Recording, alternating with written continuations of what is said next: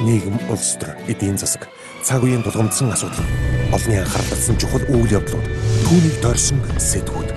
Бид чухал үйл явдлын эздийг тэмдэгч харин тэдний байр суурийг тодорхой мэддэг. Тэдний үзэл санаа, үйл хэрэг та бидний амьдралд хэрхэн нөлөөлөх вэ?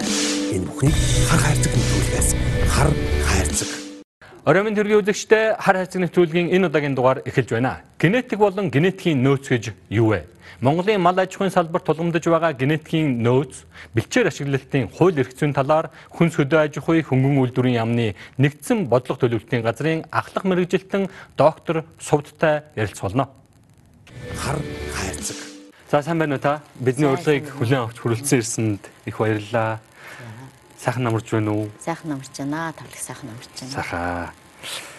За өнөөдрийн дугаартаа бид одоо мал аж ахуйн салбарт байх ёстой хар хайрцагны бодлого гэж хэлж болох юм да. Манай нэвтрүүлгийн нэр хар хайрцаг байгаа. Тэгээд энэ мал аж ахуйн салбарт яригдах хамгийн чухал хоёр сэдвээр ярилцахаар бид таныг өрсөн. Нэг нь бол малын генетикийн нөөцийн тухай асуудал, нөгөөх нь бэлчээрийн тухай асуудал. Тэгээд нэвтрүүлгийнхаа эхний хэсэгт бид малын генетикийн тухай, генетикийн нөөцийн тухай ярмаар байгаамаа. Та тэгэхээр юуны өмнө энэ генетик гэж юу юм бэ? За малынхч бай, хүнийхч бай, амьтныхч бай, ер нь өргөн утгаараа генетик гэж юу юм бэ гэдгийг маш товчхон манай үзэгчдэд ойлгомжтойгоор жишээтэйгээр тайлбарлаад өгөхгүй. За санацгаанаа. Ер нь тэгэхээр генетик гэдэг маань аливаа амьд организмын удамшиж байгаа асуудал, а хувьсаж өөрчлөгдөж байгаа асуудлыг л судалж байгаа шинжлэх ухааны нэр том яваад байгаа. За тухайлбал одоо адуун дээр гэхэд э, Монгол үйлдвэрийн адуу байхад өөр одоо нэг гаднаас одоо юу гэдэг арав ч юм уу одоо авчираад ингээд эрлээцчүүлэг хийгээд шүү сайн одоо хурдлах чадвартай ч юм уу эсвэл өөр одоо төсвөр чанараар нь илүү их нэг ажиллах хүчний ч гэдэг юм. Ингээд янз янзаар ингээд нэг үржил селекц хийгээд байгаа асуудал маань тухайн нөгөө адууны удамших чанар буцаагаад нөгөө сайжрах хувьсан өөрчлөгдөх тэр чанарыг л ашиглаж байгаа зүйл юм байна. Тэгэхээр энэ малын генетик гэдэг зүйл маань бол тухайн одоо тэжээвэр мал амтны хүн нутагшуулаад энэ олон мянган жил явж ирэхдээ ингэж хувьсан өөрчлөлтөд одоогийн бий болгочод байгаа олон янзын малын үйлдвэр омгийн асуудал гэж л ойлгоход бол мал дээр бол. Мал дээр бол. За хүн дээр бол бас ялгаагүй шүү дээ. Бас л нөгөө хүн чинь хувьсан өөрчлөгдөж гин олон үндэстнүүд байна. Хоёр үндэстэн одоо нийлээд гэр бүл боллоо гэхэд тэдний дундаас гарч байгаа хүүхдүүдийн одоо удамших тийм ээ энэ одоо зүйл маань ер нь генетикийн ухтгоонод яваад байгаа гэсэн. Өөрөөр хэлбэл зөвхөн адуун адууныхаа жишээн дээр ярихад Монгол адуу бол бас дэвчээртэй гэдэг биеэр жижиг боловч хатуужилтай, дэвчээртэй, хурдтай одоо тэр нь бүр түүхэн дэвчээртэй байгаад байдаг. Энэ бол одоо Монгол адууны генетикийн генетикийн гэж нэрлэх үү бас эсвэл одоо биологийн онцлог шин чанар нь гэж ойлгож болох уу? Яг нь энэ бол ерөөсөө генетикийн өрөмс тэр тогтолцоо нагаад. Тэсвэр чанарын ген байгаа. Дээр нь нэмээд нөгөө эртис уур амьсгал дасан зохицох чадвар байгаад байгаа. Энэ нь бол нөгөө дотоод гений одоо шинж тэмдгүүд болоод гадаа шинж тэмдгийн илэрлээрээ л бол нэгтээд энэ зохицолтоонд бол энэ Монгол адуу гэдэг энэ генетик тогтолцоод бий болгочихж байгаа гэсэн үг. Эн чинь бол олон зуун жилийн одоо генетикийнхаар бол хөвсөл хөгжлийн явцад ийм шин чанар бүрдсэн байна гэсэн үг шүү дээ. Давуулаг шин чанар гэдэг. Тийм тэгэлгүй яах вэ? Ер нь бол монголчууд ер нь дэлхийн нийтэд бол энэ малыг тэж мал тэжээвэр амтныг гэршүүлснээс хойш бол олон мянган жил болж штэ. Тэгэхээр Монгол орны эрдэс уур амьсгалд энэ бүх одоо таван төрлийн малыг бол монголчууд маань бол үржүүлэхийн зэрэгцээ тийм ээ ашиг шимийн хүртхийн зэрэгцээ энэ генетикийн зөв тогтлыг ашиглаад сайжруулад яваад байгаа асуудал байна энэ генетик гэдэг зүйл тэгвэл манай монголчуудын хувьд малачгүй бол мэдээж манай эдийн засаг соёл маш чухал. Тэгэхээр энэ малын генетикийн генетик гэдэг бол бидний нэг том өмч хөрөнгө гэж ойлгож болох уу? Бидний нэг том давуу тал эсвэл бидний нэг том баялаг гэж ойлгож болох уу? Оо тэгэлгүй яхаа шууд л тэгж ойлгож болно. Ягаад дэлхийн нийтэд бол эдийн засгийн гурван нөөц баялаг дээр л суурилж бий болгож байгаа шүү дээ. Тийм. Тэгэхээр үүн адил Монгол улс бол нэгдүгээр одоо хүний нөөц дээрээ суурлаад материаллык нөөцөө бий болгож байна, тийм ээ. Аа хоёр дахь нөөц нь бол байгалийн нөөц. Аа гурав дахь нөөц нь биологийн нөөц байгаа. Тэгэхээр байгалийн нөөц дотор бид нар бол одоо шавхагддаг нөөц уу ашигт малтмалын нөөцийг бол ашиглаад эдийн засагтаа илүү их одоо ашиглаж байна. А ашигт малтмлын нөөцийг илүү төлхөө ашиглахаас өмнө бол Монгол улсын эдийн засгийг бол яг энэ мал аж ахуйн генетик нөөц бол бүрдүүлж исэн.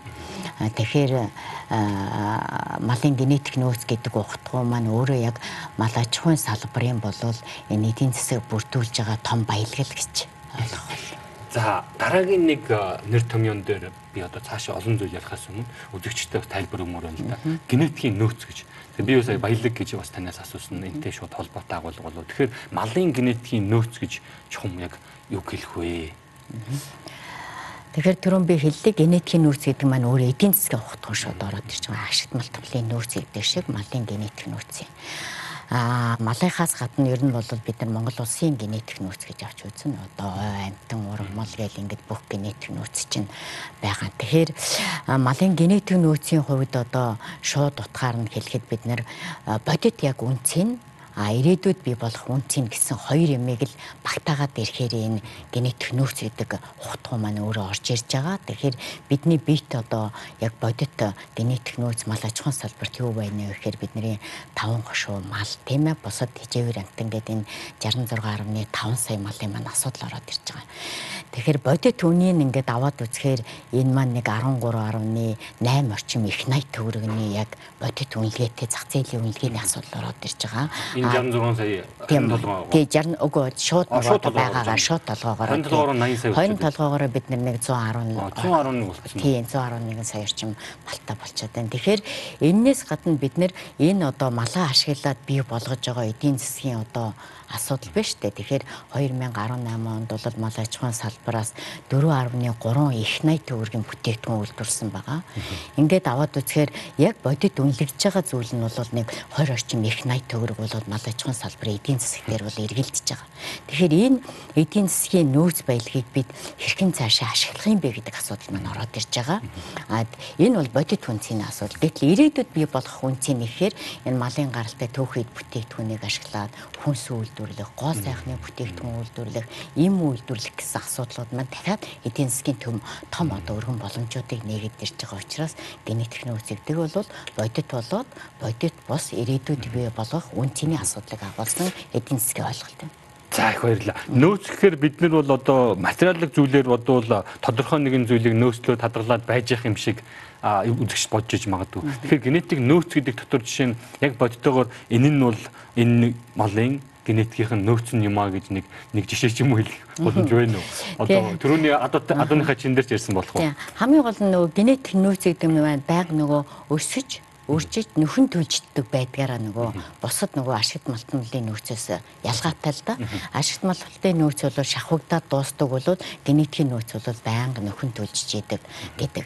За тухайлбал ингээл мал дээр аваад үзэл дээ бид нэр 25 орчим сая малтай байлаа тийм ээ социалист систем үед одоо бол бид нэр 66.5 сая буюу ингээд нөхөн төлчхөөсөө гадна өсөж үржиж байх боломжтой гэдгийг нэг талаас харуулж байгаа. А нөгөө талаас бол ингээд мэдээж амьд организм учраас нөхөн төлжиж өсөхөөсөө гадна бас өхөж өргөдөх тийм ээ хорогдох асуудал байгаад байгаа. Гэхдээ энэ маань байнга одоо би энийгээ төлжүүлээд шавхагдшгүй байгаа гэдэг. Генетикийн нөөц гэдгийг нэг талаас мэдээлэл юм уу эсвэл одоо судалж гаргаж ирсэн мэдлэг дата гэж ойлгож болох уу?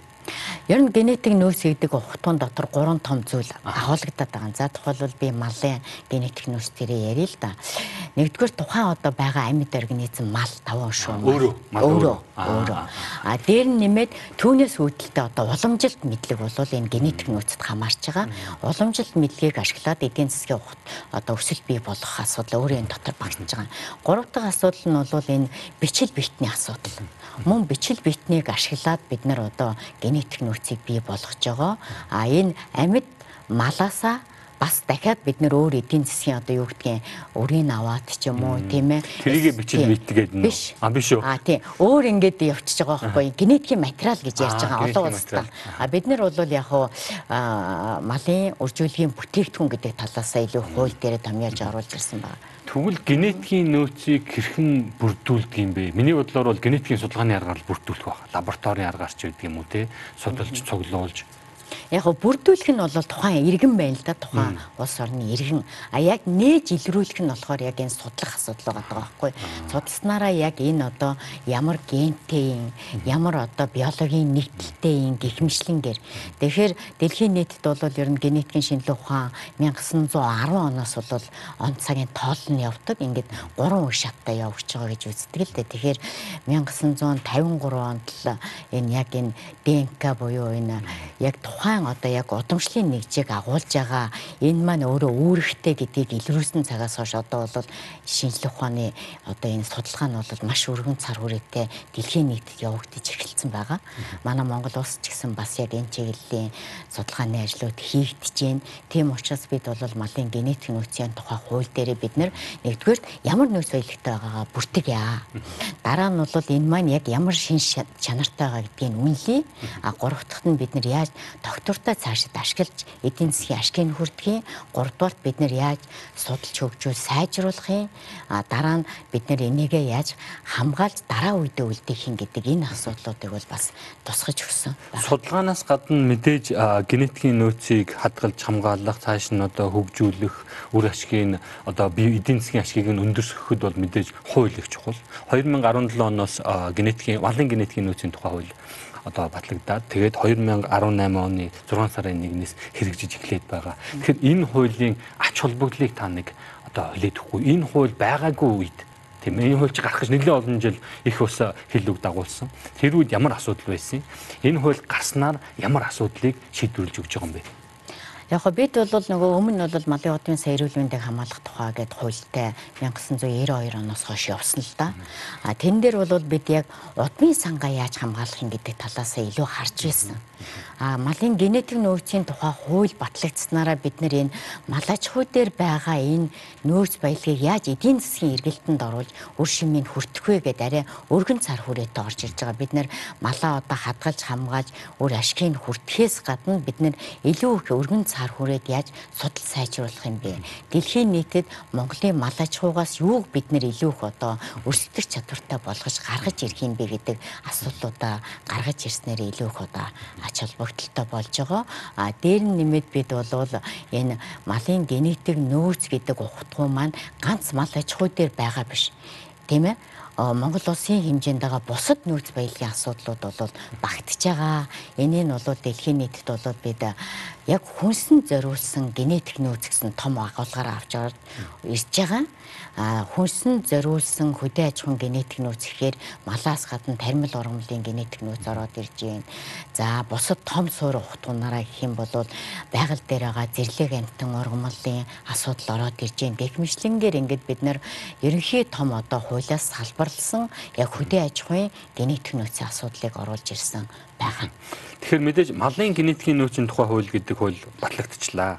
Энэ хуулиас гадна одоо бас яригдж байгаа зүйл бол генетик нөөц түүнээс хүртэх ашгийг тэгш хүртэх хуваарлах тухай хууль батлагдах байхаа. Сая бас та ерөнхийдөө яриандаа дурдаад байна. Энэ хууль хизээ гарах вэ? Ямар шүү одоо шатанд явж байгаа вэ? Ер нь бол энэ хуулийг байгаль орчин аялал жуулчлалын яамаа толгойлж бол боловсруулад явж байгаа. Засгийн газрын хуралдаанаар бол хуулийн үзэл баримтлах хуулийн төслөө бол хилцүүлээд улсын хурлд өргөн мэдүүлэх шатндаа явж байгаа. Энэ маань ерөнхий суурь одоо газрын хууль гэдэг шиг ерөнхий багхгүй яа бид салбарлаад хүн сүдэ аж ахуйн генетик нөөцийн асуудал арай өөрөөр авч үзээд байгаа. Энэний шалтгаан нь юу вэ гэхээр аа яг хүн сүдэ аж ахуй дээр байгаа нөөц маань бол хувийн өмчийн шинж чанартай байгаа. Өөрөөр хэлбэл малчин хүний эзэн одоо эзэмшилт байгаа шиг юм уу тийм ээ.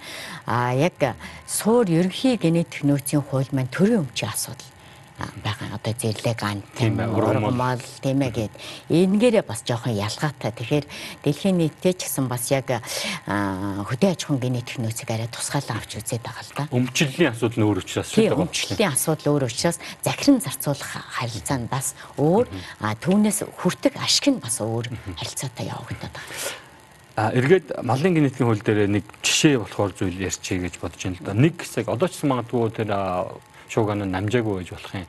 Малыг хөлөөр нь гаргахгүй юу гэдэг асуудал их ярьсан. Адуу. Тэгээд мэдээж Монгол улс экспортоо нэммээр байгаа.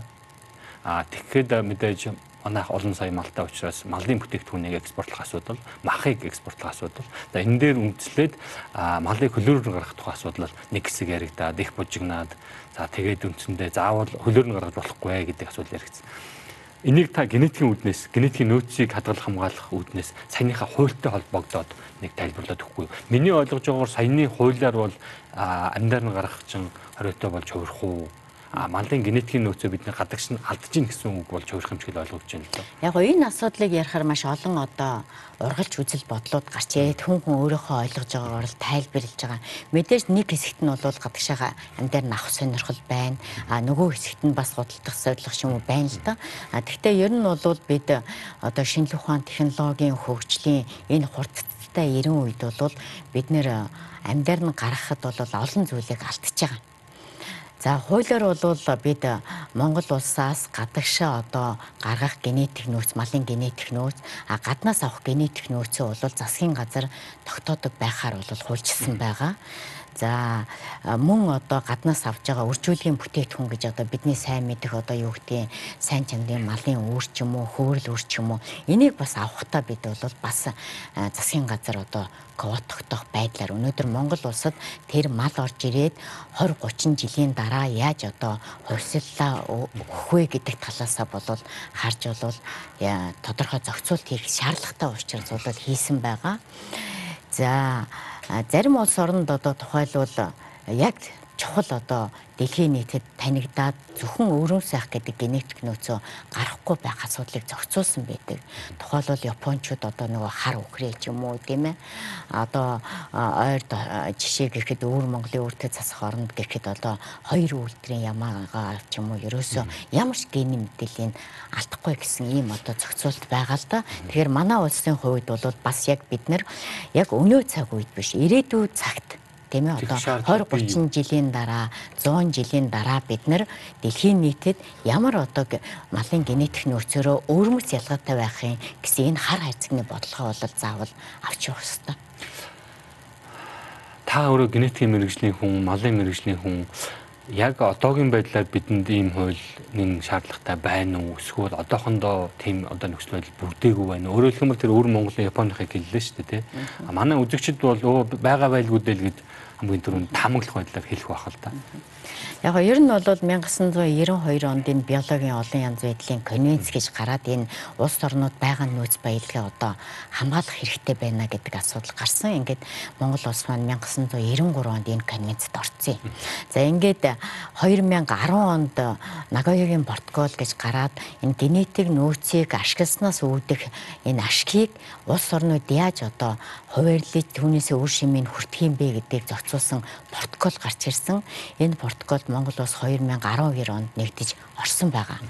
Тэгэхээр бид нар дэлхийн нийтэд ингээд явж байгаа худалдааны хэрэгслүүр болоод яваад байгаа энэ генетик нөөцийн ашиглалтаас үүдээд байгаа энэ үр ашгийг одоо хэрхэн хуваарлж үр шимийг хүртэх юм бэ гэдэг асуудлыг гаргаж ирэхийн тулд болоод би зохицуулахын тулд заашгүй хууль хэрэгтэй болоод байгаа л да. Ер нь бол дэлхийн том том одоо энэ чиглэлийн эрдэмтэд судлаачид юу гэж үздэг вэ гэхээр тухайн улс үндэстэн өөрийнхөө эрх зүйг бүрдүүлж энэ генетик нөөцөө яг хамгаалах юм аа. А түүнээс одоо ашиглагчд байна. Түүнээс үр ашигын шууд хүртдэг хүмүүс байна тий. Тэгэхээр Монгол улсын хувьд энэ генетик нөөцийн нөгөө ашиглагчаас гадна бид нар өөрсдөө бий болгогч өөрөө нөөцтэй улс орн байхгүй юу? А тэгвэл бус тус орнууд дээр бол нөөц хүү мөртлөө зөвхөн эннээс үр ашиг хүртдэг ашигладаг орнууд байна штэ. Тэгэхээр энэ ерөнхий энэ одоо том дүр зэрэгаараа авах юм бол бид нэр бол хууль эрх зүйн орчноо бий болгосноороо энэ генетик нөөцийн ашигл түүнээс одоо гарах гарч байгаа зүйлийг хамгаалж байгаа зүйлэл одоо баталгаажуулаад чойжлоод авч байгаа гэсэн асуудал. Тэгэхээр ямар нэгэн байдлаар бол чойжлогдсон л байгаа юм байна. Би бол ингэж ойлгоод байна л одоо технологиг чинь аль нэг улс орн өөрийнхөө үйлдвэрлэлийн технологиг нууцладаг шүү дээ. Coca-Cola компани бол тэр Coca-Cola яаж хийж байгаа нууцлаад тэр технологийн задарчул ингээд хийгээ явчих шүү дээ. Тэрэн шиг одоо бид нар бол тэр нөөцөө тодорхой хэмжээгээр нууцлалтай байх хэрэгтэй гэсэн үг үү? А өнөөдрийн хууль тэр нууцлалыг нь хамгаалж чадаж байгаа юм болов уу? Яг бид нар судлан хөгжүүлэх харилцаан дээр бол бас жоохон хуулийн зохицуултууд хийсэн л дээ. Яг харахгүй бид нарт одоо яг геномын шинжилгээ хийгээд яг өвөрмөц гэдгээ гаргаж ирэх хэрэгтэй байгаа байхгүй юу? Өнөөдөр Монголын мал бус улс орны ижил төрөл зүйлийн малаас юугаараа ялгаатай юм бэ гэдэг. Сүүлийн үед одоо Монгол улсад Японы улсаас бүгд нэг Солонгос улсаас судлаачид их хэрж одоо санал тавьж байна л да яг Монгол малын төсвөр чанарын ген нь ямар байгаа юм бэ? Тэрийг судлыг гэж жишээний. Эсвэл одоо юу гэдгийг ямааг одоо төрөл зүйлийнх нь хувьд ноолоор их хөгдөг болгож одоо өөр одоо төрөл зүйлийн эрлийцжүүлэг явуулъяач гэдэг юм уу те ийм одоо саналууд их ирж байгаа л да энэ маань юу хэлж байгаа гэхээр тэд аль хэдийнэ бол ерөнхийдөө Монгол улсын малын энэ төсвөр чанар бол өөр байна гэдгийг халтсан. Гэхдээ яг тэр генийхээ аль тестарал дээр очиод хамгийн өрмөцөнд байгаад байгаа гэдгийг одоо ашиглаж судлах сонирхолтой байна шүү дээ. Ийм асуудлууд байгаад байгаа. Тэгэхээр Монгол улсын хувьд бол бид бол одоогор бол яг уу эдийн засгийн ухтгуун талаас өнөө маргаашийн асуудал гараад юу гэдгийг бид нар малаа амьдарн гаргаж гэдэг юм уу асуудлууд байна л да. А гэхдээ энэ маань удаан хугацаанд бол бид нар яг юугаа гаргаад юугаа одоо яг хатгалах вэ гэдэг бас хар хайрцагны болгыг барих хэрэгтэй асуудал гараад ирж байгаа.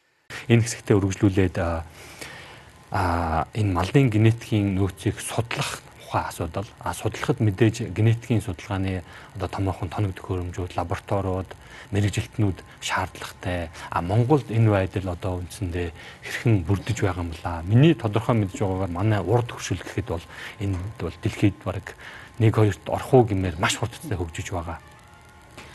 Тэгэхээр генетикийн нөөцийг ашиглаж маш их нөгөө эдийн засгийн өөр өөр одоо бүтээгдэхүүнүүд хийгээд эхэлчихээд байна л да. Тэр утгаараа бол энэ чиглэлийн судалгаа нь бол дэлхийн нийтэд маш хурдтай хөгжиж байгаа. Одоо юу гэдгийг IT технологи хөгжиж байгаатай л ижил нэг талдаа зэрэгцээд явж байгаа. Тэгэхээр Монгол улсын хувьд бол ерөнхийдөө бид энэ судалгаа шинжилгээний ажлыг 2010 оноос хойш бол генийн төвшин судлах ажлыг эхлүүлээд судлаачид маань бол хийж байна.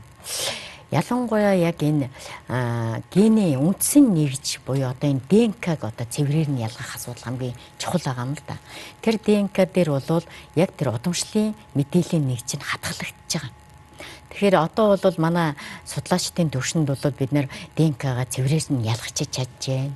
Дээр нэмээ тэрийг одоо юу гэдгийг хураашуулаад бүр одоо хэмжээгийн жижигрүүлж чадчихээн а буцаагаад олшруулж чадчихээн өсвөрлж чадчихээн гэдэг ингээд юмнууд хийж л та юу чадахгүй байх үү тухайлбал одоо бид нар юу чадахгүй байгаа гэхээр одоо яг тэр геномын зураглалаа хийх асуудал тийм ээ.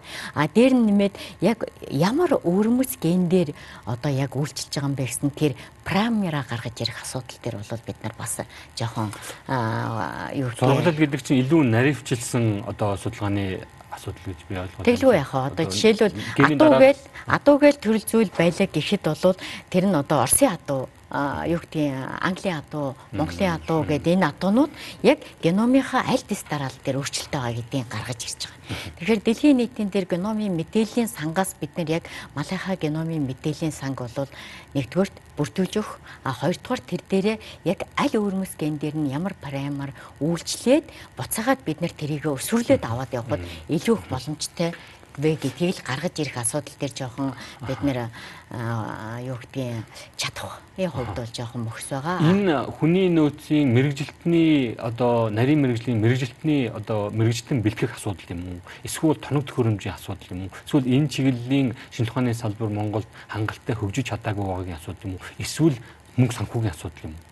Яг нь ер нь аль аль нь л та таны асууснаар бол мэдээж төвшин төвшин өөр байгаа. Хүний нөөцийн асуудал бол чухал. Бид нар бол нарийн мэрэгжлийн хүмүүсийг бодлогоор бэлдэх шаардлагатай байгаа. А хоёрдугаарт бол мэдээж санхүүжилтийн дэмжлэг хэрэгтэй. А гуравдугаарт бид нэр тоног төхөөрөмжийн хувьд харьцангуй бид нар бас жоохон чадвчаад байгаа сүүлийн жилүүдэд гадны бас зээл тусламжийн дэмжлэгээр энэ генетикийн нөөцдөр яригддаг бас нэг чухал зүйл бол энэ үүдлэс гэж нэг ойлголт байна. Энэ бол магадгүй энгийн үзэгчид би энэ төр бол нарийн мэдээлэл муутай ч юм уу ойлголт багтай байгаа хэл та. Та тэгэхээр мэрэгжлийн үүднээс энэ үүдлэс гэж чухам юу гэлээд байгаа юм бэ гэдгийг тайлбарлаад өгөх. Тэгэхээр үүдлэс хэд маань ер нь ерөнхийдөө бас нөгөө удамшлын мэдээлэл агуулсан нэгжийн нэг хэсэг. А тэгэхээр үйдлээс гэдэг бол нөгөө нөхөн төлжүүлэх талдаа илүү их нөгөө ашиглах боломжтой. Жишээлбэл одоо ингээл таргал тарган одоо тархалтай одоо хүмүүс байна шүү дээ. Тэгэхэд тэр тархалтай энэ дэмждэг ген гэж байгаа байхгүй юу? А тэгэхээр бид тэр геномын зургал дээрээ яг энэ таргалтын ген нь яг энэ энэ хэсэг дээрээ байна гэж юм бол бид таргалтын гентэй хэсгийг аваад нөгөө үүдлээсээсээ нөгөө нөхөн төлжүүлээд ашиглахад нөгөө генийх нь буцаад процесс нь явагдчихна. За өшөөл нэг жишээ гэл хэлэхэд бол юу гэдгийг үүдлисийг одоо хадгалдаг болчиход байна та дэлхийн нийтэд одоо үүдлисийг аваад хадгалчих юм бол ямар нэгэн одоо хүнд өвчин туслаа гэхэд тэр тухайн хүн үүдлисээсээ ашиглаад тэр өвчтөг гинэ одоо эдгэх ашиглах ийм боломж байгаа. Үүдлис маш чухал юм байна. Бидэнд ямар нэгэн байдлаар энэ тоног төхөөрөмжний юм уу лабораторийн юм уу тутмаг байдлаас болоод гадагшаагаан лабораториудад явуулж одоо судалгаагаа хийлэгдэг дээжээ явуулдаг. Энэ одоо манай бараг бүхэл салбарт байна. Генетикийн, биологийн салбаруудад манай Монгол улсын их сургууль дээр ийм асуудал байна. Энэ тохиолдолд бид нөгөө үүдэл эсэ ч юм уу эсвэл нөгөө хар хайрцаг дотроо байлгаж явах ёстой датагаа ч юм уу гадагшаа явуулаад байгаа юу? Ер нь бол шууд тутгаараа тийм. Яг тэгвэл тэр чинь удамшлын мэдээлэл агуулс нь нэгжийн тэнд одоо ялгаад авчиж байгаа шүү дээ. Бид нар тэн дээрээ судалгаа хийж. Тэгэнгүүт зарим орнон дээр бол яг хөөхөр нөгөө нэгэнт бид нэр геномын судалгааг нь хийсэн учраас гээд патентыг авчиж байгаа байхгүй. А тэгэхээр бид нар нөгөө дараа нь ашиглахдаа яг хөөхөр зөвхөн судлуулсан хүн тодорхой патентын хэсгийг нь бол ашиглана. А бусад дийлэн хэсэг нь судалгаа хийсэн патенттэй газараа явчихж байгаа. Тэгэхээр бид нар бол бас эдийн засгийн том зүйлээ алдаад л байгаа л та.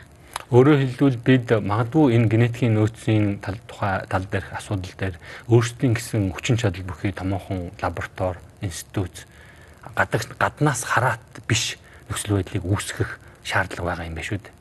Яг тийм.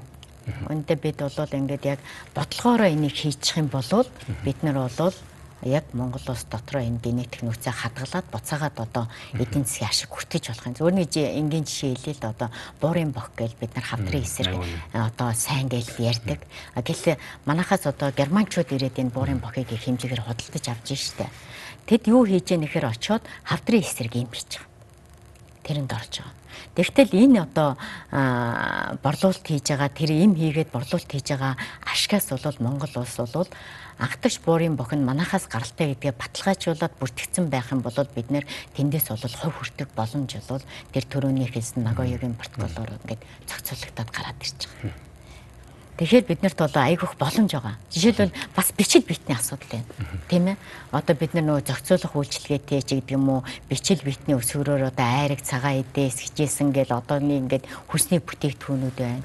Гоо сайхны бүтээгдэхүүнүүд байна. Тийм ээ. Имийн бүтээгдэхүүнүүд энэ бүхэн ч нөөрөө цаана эдийн засаг бий болгоод байгаагаар л их том утга учиртай. Тийм учраас Монгол улс бодлогоор ингээд яг үндсэн сайхан тоног төхөөрөмжтэй лаборатори бий болгоод энэ чиглэлийн эрдэм шинжилгээ судалгаа компани ажил хийж байгаа, үйлдвэрлэл эрхлэж байгаа компаниудаа бол дэмжиж явчих юм бол бид нэр ганцхан уулуурхаагаас биш өөр бус салбараасаа эдийн засаг бий болох боломж байна би нэвтрүүлгийнхаа төгсгөлд асууя гэж бодож ирсэн. Та миний асуух гэжсэн зүйлийг яриад эхэлсэн учраас би одоо асууч.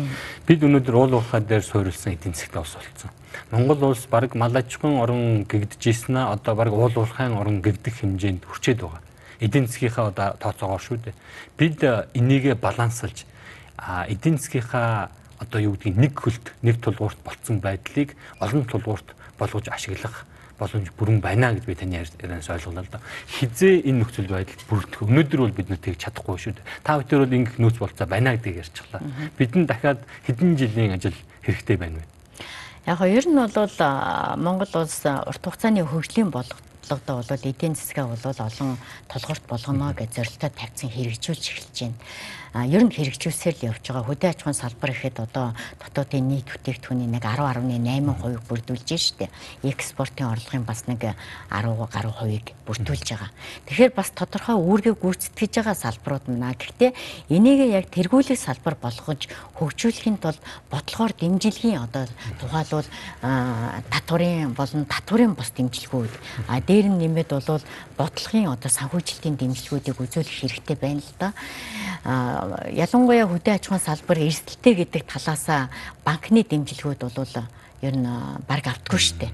боломжгүй байгаа. Тэгэхээр бид нар өнөөдөр яг санхүүжилтийн шин механизмыг эдийн засгийн шин одоо арга замыг бол хөдөө аж ахуйн салбар дээр энэ одоо яриад байгаа биотехнологийн салбар дээр гаргаж ирж дэмжлэг үзүүлэх юм бол бид нар нөгөө хүсэн хүлээгээд байгаа эдийн засгийн салбараа олон тулгуурт болох асуудал маань аяндаа яваад ирэх юм байна. Та яг энэ салбар дээр ажиллаж байгаа хүн маш богинохон товчхон хугацаа хэлэх бол мэдээж хэцүү гэдгийг би ойлгож байна. Гэтэ бидэнд 10 жил хэрэгтэй байгаа мó, 50 жил хэрэгтэй байгаа мó, 100 жил хэрэгтэй байгаа мó. Яг энэ чиглэлийн мэрэгжилтэн биш улсууд бол бас тодорхой ойлголт. Яг гоо бүх төвшөндөө энэ асуудлыг ойлгоод яг саяын төрөний бодлогын дэмжлэг үзүүлээд ирэх юм бол бид нар бол богино хугацаанд өөрөөр хэлбэл нэг 5 жилийн дотор бол энийг гаргаад ирж байна. А урт хугацаанд бол яг одоогийн байгаа шиг төвшөнд байх юм бол мэдээж магтгүй 30 40 50 жил зарцуулж магтгүй. За энийг тодорхой хэмжээгээр үзээд улсууд сонсож байгаа байх гэж найдаж байна. Бас нэг зүйл дээр би хариулт авмаар байна. Бид бол хууль гаргадаг аа.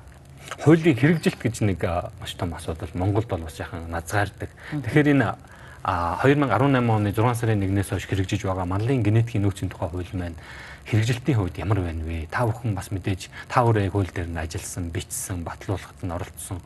Тэгэхээр хэрэгжилтэн дээр нь хэрхэн ажиллаж байгаагаа нэг бидэнд тайлбарлаж ярьж өгөхгүй юу? За тэгэхээр бид нар малын генетик нөөцийн тухай хууль батлагдаж гараад энэ 1.5 жил болж байна. Одоо ямар ч байсан бүх сумын 331 суманда болоод аймагт нийслэлтэй болоод бид нэр тогтолцоогоо болол бүрдүүлчихлээ. Дээр нь нэмээд одоо бид яг энэ генетик нөөцийн төлөв байдлаа тодорхойлох ажлыг хийж байна. 6 сараас эхлээд хийж байна. Одоо үндсэндээ 11 сарын 20 гэхэд дуусна.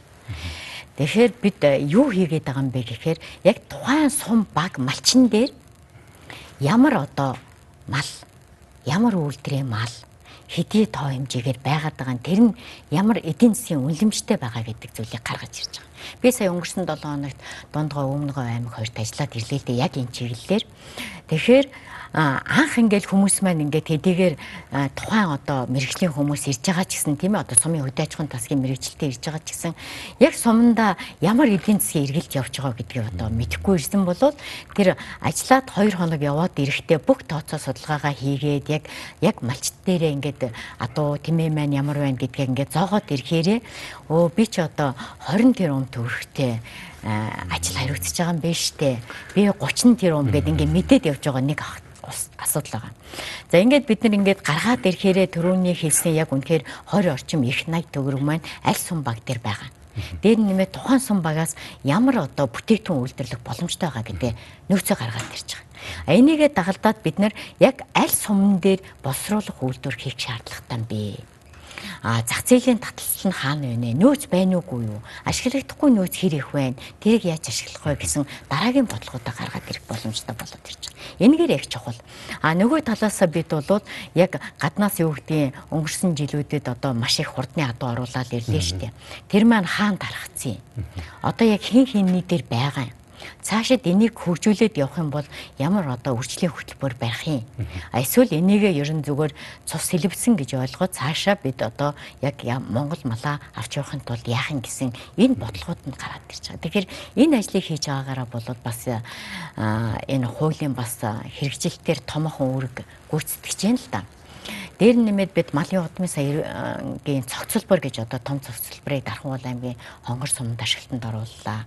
Энэ маань цаашлаад мал аж ахуйн салбарын энэ генетикийн шинжилгээ ухааныг энэ молекул биологийн судалгаануудыг хийх боломжуудыг бас бүрдүүлээд явж байгаа. Гэх мэтлэнгээр бол бид нэр хуулийн хэрэгжилтэн дээр харьцангуй бас олон ажлыг хийж эхэлж байна. А мэдээж бас санхүүжилтийн дэмжлэг бол шаардлагатай бас байгаа зүйлүүд байна. За их баярлалаа. Маш олон чухал зүйл ярьлаа. Би үзэгчдэд таныг нэг танилцуулмаар байна л да. Миний бидэнд байгаа мэдээлэлээр та Оросд төгссөн, зоон инженерээр төгссөн байдаг. Та өөрийгөө нэг танилцуулахгүй тэрнээс хойш одоо хэдэн он сурж ирсэн, ямар мэрэгчлэр төгссөн. Яга би бол одоо энэ хөдөө аж ахуйн салбарт нэг 33 жил ажиллаж байна л да анх энэ мал аж ахуйн мэрэгжилтэд шунанд дурлаж өөрийнхөө одоо багын нөгөө нэг хүсэл тэмүүлэлээр энэ мэрэгчлийг эзэмшсэн. Тэгээд Оросын холбооны улсад эрхүүгийн хөдөө аж ахуйн их сургуулийг бол 100 инженер мэрэгчлэр 87 онд төгслөө. Түүнээс хойш би яг энэ малын удмын цангийн үндэсний төвгөөд энэ генетик шинжилгээний яг энэ өр үйлдвэрлэлийн чиглэлээр салбарт тулал ажиллаж исэн. Дараа нь бизнесийн байгууллагт ажиллаа. Бас үйлдвэрлэл дээр нэг 10 гаруй жил ажиллаа. Хөдөө аж ахуйн үйлдвэрлэл дээр буцаад болвол мал аж ахуйн эрдэмшилгээний хүрээлэнд бас судалгаа шинжилгээний ажил хийж байгаад одоо энэ яг хүнсэд аж ахуйн хөнгөн үйлдвэрийн яамда нэг 11 дэх жилдээ ажиллаж байгаа. Та доктор хүн шүү дээ. А мал мал эмнэлгийн чиглэлээр докторийн зэрэг хамгаалсан. Хизээ хамгаалав? Ямар сэдвээр хамгаалсан бэ? 2002 онд бол мал эмнэлгийн ухаанаар докторийн зэрэг хамгаалсан байгаа. Аа ер нь бол хамгаалсан сэдэв маань одоо эндокринолог талдаа ерөнхийдөө дотоод шүүрлийн асуудлын зохицуултыг яаж удирдсанараа бид нар одоо малын энэ нөхөн үйлдвэрлэлийг авч явах боломжтой вэ гэсэн чиглэлээр бол хамгаалсан байгаа. За их баярлалаа нэвтрүүлгийн маань энэ хэсэг энэ түрээд өндөрлөж байна. Бид тав хүндээ нэвтрүүлгийн дараагийн хэсэгтээ бас нэгэн мал ахуйн салбарт чухал тулгамдаад байгаа асуудлаар ярилцлага хүргэх болно. Энэ бол малын бэлчээрийн тухай асуудал, бэлчээрийн хуулийн тухай асуудал байгаа. Бэлчээрийн тухай хууль миний мэдхээр л бараг 90-ад оноос яригдсан. Одоо миний санаж байгаагаар бол одоо ашуулбар агсны үед яригдаад бэлчээрийг хөгжүүлэх юм бол одоо Монголд бараг иргэний дайждаг гэж мэдээ шүү гэсэн утгатай юм хүртэл ярьж байсан. Тэрнээс хойш олон удаа их хурлаар хэлэлцгэж оролцсон, бүтлгүүцсэн. А зарим тал дээр бэлчээр хөвчлөх тухай асуудал, эзэмшүүлэх тухай асуудал, өмчлөх тухай асуудал яригдчихсэн. Одоо сүүлийн үед яригдж байгаа. Удахгүй магадгүй их хурлаар хэлэлцэгдэх энэ хуулийн дээр ямар одоо агуулгууд гарч ирж байгаа вэ? Ер нь бэлчээрийг хэрхэн зохицуулах одоо хөлбөр санал болгож байгаа байна. Яг таны хэлсэнчлэн энэ бэлчээрийн харилцааг зохицуулсан хууль эрх зүйн асуудал одоо 20 жил явж байна л да. Монгол улсад яг бэлчээрийн мал аж ахуй байгаа тохиолдолд үндсэн суур болсон газрын асуудал бол яг аргагүй бэлчээрийн газар шүү дээ. Тэгэхээр бид нар Монгол улсын нийт нутаг дэвсгэрийн нэг 73.8% нь яг хөдөө аж ахуйн хэлбэр газар байгаа. Хөдөө аж ахуйн хэлбэр газар дотроо бол нэг 98 орчим хувь нь бол яг бэлчээрийн газар нутаг байгаа байхгүй. Тэгэхээр 98. Тийм. Тэгэхээр Монголын одоо яг мал аж ахуйн үйлдвэрлэлийн гол суурь нь яг харахгүй бэлчээр хадлангийн газар болоод байгаа. Тэгэхээр бэлчээр хадлангийн газрыг болвол одоо ямар нэгэн өмчлөх асуудал тийм ээ өмчлөлдөх асуудал эзэмшүүлэх харилцааны асуудал бол одоогийн бидний боловсруулад явж байгаа хууль дээр бол байхгүй Ер нь бол одоогийн яг л ашиглаж байгаа хэлбэрийн болол бид нэр арай хариуцлагажуулаад гэрээгээр ашиглуулдаг болёо л гэдэг ийм одоо үжил баримталтай явж байгаа хуулийн төслийг боловсруулад явж байна л да. Одоогийн байгаа хүмүүст нь Тий одоогийн байгаа. Бэлчээр дээрээ ажиллаж амьдарч байгаа хүмүүст нь. Тэгэлгүй яах вэ тий? Одоо бол бид нар нөгөө нийтээр дундаа эзэмшиж байгаа. Хуулиараа одоогийн газрын тухай хуулиараа. А тэгэхээр нийтээр дундаа эзэмшээд ирэхээр нөгөө хариуцлагын тогтолцоо байхгүй болчиход байгаа байхгүй.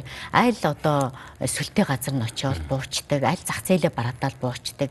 Тэгээд нөгөө талхад л үүсгээд бичвэр маань буцаж нөгөө нөхөн сэргэж төлжих боломжгүй болгоод байгаа байхгүй бид нар 2013 онд одоо энэ судалгаа шинжилгээний байгууллагууд бичээрийн төлөв байдлыг үнэлээд үтсэн чинь Монгол улсын нийт одоо бичээрийн талбайн 65 орчим болол дороотолд ороод үүнээс 7.7% нь бол нөхөн сэргэх боломжгүй болчихжээ гэж гаргаж ирсэн.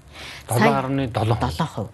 А сая бид ингээд 10 6 7 онд ингээд бас энэ төлөв байдлын шинжилгээг бас одоо хийсэн. А тэгэхээр энэ үнэлгээгээр бол нөгөө 7.7 байсан хувь маань ба 10 гараад 12 орчим хувь болчиход ирж байгаа. Тэгэхээр юу гэхээр бид нар байгалийн аясаараа сэргэх боломжгүй газар нутгийн маань хэмжээ ихсээд байгаа нь бид нар цаашид одоо нөгөө бидний энэ нөгөө мал аж ахуйн үйлдвэрлэлээ доктортой эрхлэх боломжийг алдагдуулаад байгаа асуудал үүсэж байгаа. Нөгөө талаасаа хариуцлагагүй байхаар бол за би ирээд бууцсан дараа нь нөгөөд явна энэ талхлагдна уу байна уу гэдэг асуудал маань ерөөсө хариуцлагагүй. Дээр нь тухайн хүн одоо юу гэдгийг малаа өсгөөл байх юм бол нөгөө байгаль экологийн тэнцвэрт байдал дац маань өөрөө байх болчихж байгаа шүү дээ. Тэр асуудал дээр бид нар одоо яах юм бэ гэдэг асуудал гарч ирж байгаа учраас заашгүй хуулийн зохицуул шаардлагатай болоод байгаа. Бид газрын ерөнхий хуулийнхаа хүрээнд бэлчээрийн харилцааг бол ашиглалт хамгаалалт нөхөн сэргээл сайжруулалтын асуудлыг нь бол тусгайлсан наривчсан хуулиар зохицуулъя гэсэн энэ үзэл баримтлаар хуулийн төслийг боловсруулад явж байна. Аа тэгээ харамсалтай нь бол яг хуулийн төсөл маань бас яг хилцүүлэх төвшөнд бас яг очиж чадахгүй байна л да. Бас энэ дээр бол нөлөөллийн бас хүчин зүйлсүүд байгаад байна. Бэлчээрийн асуудал дээр эрдэмтдийн дунд олон нийтийн дунд ч гэсэн нэг юм хуваагдал маргаан байдаг. Энэ цаа та сая нэлээд олон тав баримтаар ярьлаа. Одоо бэлчээрийн даац хэтэрчин гэх үү эсвэл цөлжүүлэлт бий болж гин гэх үү тийм ээ. Энийний одоо гол хариуцлагыг хүлээх хүмүүс нь малчд гэж зарим хэлдэг. Зарим нь болохоор үгүй эн чин байгаль дэлхий өөрөө аяндаа хуурашаад байна гэж хэлдэг. Ингээд энэ хариуцлагаас нэг тийм мутрах гэх юм энэ хариуцлагыг наашаа чаашаа түлхэх нэг юм зүйл болчиход байдаг. Та мэрэгжилтний хувьд энэ одоо өнөөдөр ингээд цөлжөөд байгаа хуурашаад байгаа энэ үйл явдал ерөнхийдөө юунаас болдго юм бэ? Учир шалтгаан манай малчдын буруу юм. Мэдээж малын тоо олон болж байгаа юм чи тодорхой хэмжээнд нөлөөлдөг. Эсвэл ерөнхийдөө одоо дэлхийн нийтийн долларын асуудал юм уу? Байгаль цагуурын өөрчлөлтийн асуудал нөлөөлөд байгаа юм. Ер нь дэлхийн нийтэд энэ цаг уурын өөрчлөлт буюу одоо бидний ярьдаг уур амьсгалын өөрчлөлт бол болоод эхэлсэн шүү дээ. Тэгэхээр уур амьсгалын өөрчлөлт ийм болоод байна. Одоо энэний нөлөөлөл бол энэ энэ улсуудад одоо ингэж нөлөөлөхөр байна гэдэг дэлхийн зураг бол гарцсан. Тэгэхээр Монгол улсд бол уур амьсгалын өөрчлөлтөнд хамгийн өндөр одоо өртөмтгий улсын тоонд орчод байгаа. Өөрөөр хэлбэл дэлхийн долларын хэмжээ Монгол орнд бол хамгийн өндөр хурцтай бий болохоор байна. Тэгээ үүнийг дагаад бол хурд үндэсний хэмжээ багасах энэ хуурашилт үүсэх асуудал байна гэд. Тэгэхээр бид бол энэ хүчин зүйлийн нөлөөлөлд яаж дасан зохицож авч явах юм бэ гэдэг нэг асуудал.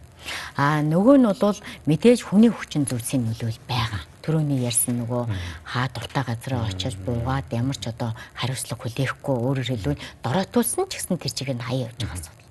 А гурав дахь хүчин зүйл нь бол энэ уул уурхайн бас нөгөө ашиглалтын асуудал байна штэ тийм ээ. Хариуцлагатай уул уурхаа эрхлэхгүйгээс холбоотой нөгөө нөхөн сэргээлтийн асуудал гэл ингээл ийм олон зүйлүүд байна л да. Тэгэхээр бид энэ хүчин зүйлсийн нөлөөллүүдийг бид одоо ямар төвшөнд байгаа одоо цаашд бид яаж барьж явах юм гэдэг асуудал өөрөө бодлогын асуудал. Энэ та бүхний төлөвлөж байгаа хууль саяны та бүхэн ярьсан асуудлуудад шийдэл болж өгч чадах уу? болгүй яг хөө бид нэр энд хариулахын тулд л би энэ хуулийн зохицуултыг оруулж ирж байгаа. Яа харахгүй энэ дээр болвол нөгөө төрийн зохицуулт орж иржээж зохицуулж цаашаа авч явахгүй бол бид нэр энэ байгаагаараа яваад байх юм бол бидний дүр зураг улам одоо муутах хандлагатай байгаа.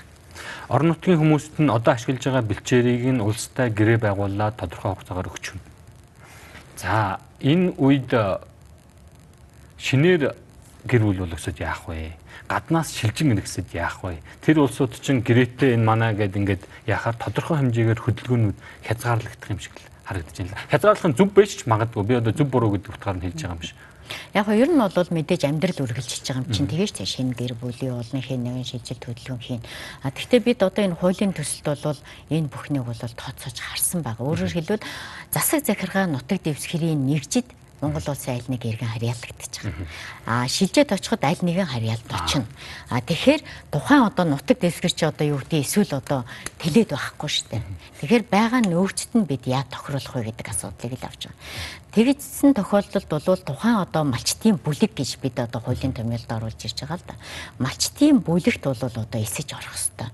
А тухайн малчтын бүлэг бол одоо нөгөө хаваржаа намаржаан дээрээ бид энэ газараа одоо ашиглалтыг хариуцна тийм ээ. А зуншлаг намаржааныхаа газарт бол энэ асуудлаа хариуцна. Бид нар нөгөө э, сэлхэн, өнжөөн гэсэн энэ бодлого дотроо л ороод явчихна гэсэн. Хэрвээ За малчны бүлэг гэдэг бол доктортой амжиргаа төсөл дээр явуулжсэн нэр том юм шүү дээ. Миний ойлгож байгаагаар л тийм ээ. Тэгээд нэлээд малчтын дунд бол бас хэрэгжээд зарим газар бол бас төлөвшсөн. За ревер хороор янз бүр байгаа бах. Тухайн малчтын бүлэг миний санаж байгаагаар бол нэг 10 хэдэн айл 15 өрхөнтөр нийлээд тухайн газрынхаа одоо бэлчээрийг хамгаалах малчтын бүлэг болгоод үүсгээд явдаг санагдаж байна. Энэ хүмүүс бэлчээр энэ хүмүүсийн эзэмшиж эзэмшиж гэж хэлээд болий ашиглаж байгаа бэлчээр дороотвол энэ хүмүүс хуулийн хариуцлага хүлээх заалт энэ хуулинд орж өгөхгүй. Тий, ер нь бол бидний энэ хуулийн үзэл баримтлал маань юм байгаа байхгүй. Ерөөсөө л ямар нэгэн одоо өрх, малчин өрх ч юм уу, мал өхөө өрх ч юм уу, дангаараа бол энэ бэлчээр ашиглалтын гэрээ ихгүй. Бүлгээрээ болвол ингээ бүр багаараа тийм ээ ингээд гэрээгээ хийчаад дотроо зохицуултаа их байхгүй. За одоо намарчаанда тэдээ тэдэд гарна гэх мэтлэн гэр. А тэгэхээр ерөнхийдөө болвол одоо бид ингээд ярьж байгаа хооронд бол аль хэзээний малчид өөрсдөө идэвхжээд мачтын бүлгээ байгуулад бичээр ашиглагчдын хэсгээ байгуулад сайн дураараа нэгдээ төлгөөгөө гаргаад бичээрээ яаж ашиглах уу яаж малынхаа даацыг одоо тохируулах уу дээр нь нэмэт бүр зарим аймагуудад бол нөгөө бичээр ашиглалт хариуцлагчлалтын журам гэж гаргаад хууль зүйн яамд бүртгүүлээд өөртөө сайн дурын сан бүрдүүлээд тэрнээсээ буцаагаад бичээрээ ашиглах сайжруулах ажил зарцуулаад яваад гэлцэн.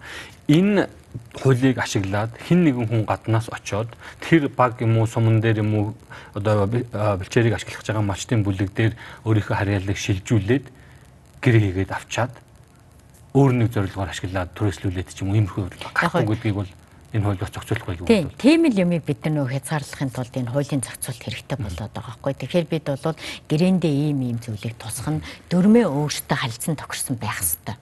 А тэр дөрмөн дотроо гэрээн дээрээ ийм асуудлаа зохицуулаад тэрүнд нь хяналтайгаар төрийн одоо оролцоо болвол гэрээгээр ашиглуулах асуудлыг нь зохицуулъя л гэсэн ийм асуудал. Гэхдээ энэ дээр бол нийтээр бас дундаа ашиглах бэлчээрийн газар гэж бас байна. Отрын одоо нөөц бэлчээрийн асуудал гэж бас орж ирж байгаа. Тэгэхээр бид нар улирлын чанартай ашиглах бэлчээр бол ерөнхийдөө илүү их нөгөө малчтын бүлэгтээ ашиглуулах. Бидний санаа зовж байгаа бас нэг зүйл бол энэ мал аж ахуйн салбар гэдэг бол бэлчээр газар нутаг бол бас их эмзэг сэдв. Бидний түүх соёлтой их холбоотой.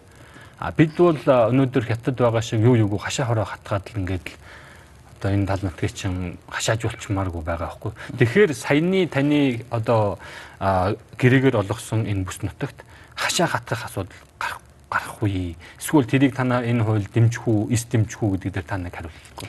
Оо харин хамгийн гол одоо хүмүүсийн болгоомжилдаг зүйл энэ байхгүй. Бид энэ хуулийн төсөл дээр бол хашаа алдахыг бол хориглож байгаа. А дээр нь нэмээд бол бид одоо автсамыг одоо дураараа гаргаж штт. Энэ асуудлыг одоо хориглоно гэсэн ийм заалтуудыг бол тусгасан байгаа. Ер нь хашаажуулснараа одоо ямар нөхцөл байдалд хүрсэн бэ гэдэг яг жишээ бол өвөр Монголын үрдэ засах орон дээр байж штт. Тэгээ тэд ч бол загч байгаа. Та нар бол бэлчээрийн хууль дээр бол хашаажуулах асуудлыг огт одоо байж болохгүй шүү. Ингэснээрээ нөгөө э, байгаль экологийн тэнцвэрт байдал алдчихж байгаа байхгүй. Тэр чинь ганц бэлчээр биш тэнд чинь одоо шавж байна, тийм ээ нөгөө бичил битнүүд байна. Маш олон одоо ан амтны одоо бэлчээрийн асуудал байна гэд ингээд олон зүйлүүд байгаа учраас бид нар бол энэ хуулийн төсөл дээр ямар ч хашаалах асуудал, өмчлүүлэх асуудал, эзэмшүүлэх асуудлын харилцааг бол тусгаагүй байна. Тэгэхээр магадгүй өмнөх хуулиудаас олон талаараа давуулга харагдаж байна л да. Миний зүгээр санаж байгаагаар миний мэдэх хүрээнд бол ямар ч байсан нөгөө нэг хэсэг хувьчилчих гээд эзэмшүүлчих гээд байгаа ч юм шиг, өмчлүүлчих гээд байгаа ч юм шиг. За нэг хэсэг бол хашаах бүр хатгах байдал руу орчих гээд байгаа ч юм шиг их олон янзын байдал одоо юу гэдгийг эрсдлүүд гэх юм уу олон нийтийн одоо магадгүй дургуйцлыг хүргэж болзошгүй зүйлс яригдчихсэн бол одоо бол үндсэндээ энэ бол нэлээд их боломжийн хувилбар санагдаад байна да. Надад бол Ер нь бол бид нар Монгол улсын газар бол нэгдмэл байх хэвээр төрийн өмч байгаа шүү дээ. Тийм ээ. Тэгэхээр бид нар яг гоо ингээд газрын суурь одоо үндсэн ерөнхий хуулийнхаа хүрээнд одоо юу гэдгийг салбарлаад манах чи хуулиутай шүү дээ. Айн хууль, тариалангийн хууль, одоо тусгай хамгаалалтаа газар нутгийн гэдэг. Тэгээд жижиг жижиг одоо газар нутгийг эзэмшиж байгаа газрууд нь тусгайлсан салбар хуулиуд. Гэтэл нөгөө нийт нутаг дэвсгэрийн чинь зохицох хэсгийг эсэж байгаа энэ бэлчээрийн харилцаан дээр бол бид нөгөө тусгайлсан наривчлсан зохицуултгүй байгаа учраас одоогийн нөгөө бидний хүрчээд байгаа бас нөхцөл байдал үүсчээд байгаа юм л да. Тэгэхээр бид нар юу гэж байгаа гэхээр газрын одоо ерөнхий хуулийнхаа хүрээнд наривчлсан харилцааны зохицуулт оруулж ирээд илүү их хариуцлагажуулах тийм ээ. Өөрөө өөрснөө тэрийгээ нөгөө нөхөн сэргээлтэй хариуцдаг, дороотлоо хариуцдаг, бэлчээрийн даалтаа тохируулсан мал өсрөх асуудлыг зохицуулах асуудлыг наривчилж оруулж өгч байгаа. Тийм л асуудал байгаа. Түүнээс өөр одоо илүү халиад явцсан асуудал байна. За мэдээж ер нь бол их боломжийн сонсогдож байна. Энэ хууль маань хизээ батлагдаж хизээнээс хэрэгжих болоо За засгийн газрын тухай хуулиар бол хүн сүдэ чухал үйлдвэрийн сайдын эрхлэх асуудлын хүрээнд бэлчээр ашиглалтын бодлогын асуудал байгаа. Энэ хүрээндээ манай яамн дээр бол ажлын хэсэг байгуулагдаад хуулийн төсөл боловсруулах, хуулийн үзэл баримтлал төсөл боловсруулах асуудлуудаа бол хийгээд одоо нэлээд удаж байна л да. Бид барилга хот байгуулалтын сайттай, хууль зүйн дотоод хэргийн сайттай хамтарч үзэл баримтлалаа батлах хэрэгтэй. Тэр процедур дээр бас баг зэргийн асуудал байгаа.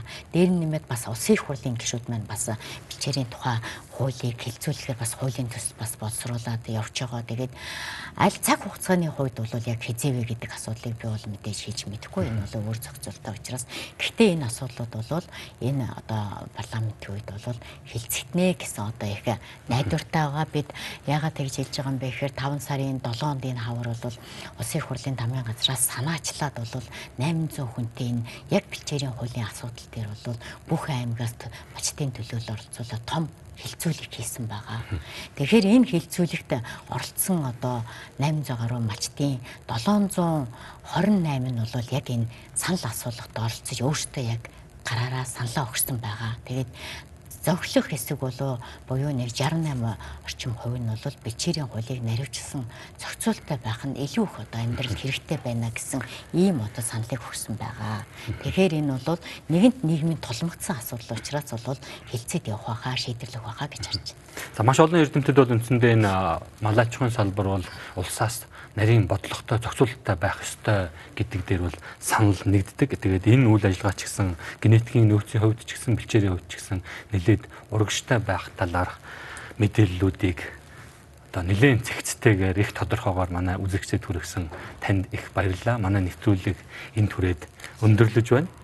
За баярлалаа та бүхэнд ч гэсэн. За ингээд энэ дугаарын маань оролцогч хүнс хөдөө аж ахуй хөнгөн үйлдвэрийн яамны нэгдсэн бодлого төлөвлөлтийн газрын ахлах мэрэгжилтэн сувд оролцож генетикийн нөөц малын генетикийн нөөцийн тухай хууль болоод магадгүй удахгүй батлагдах үр шимээ өгөх бэлчээрийн хуулийн тухай дэлгэрэнгүй мэдээлэл хүргэлээ. Бидэнтэй хамт байсан үзэж та бүхэндээ баярлалаа. Хар хайрцаг нэвтрүүлгийн энэ дугаар энэ дүрээд өндөрлөж байна.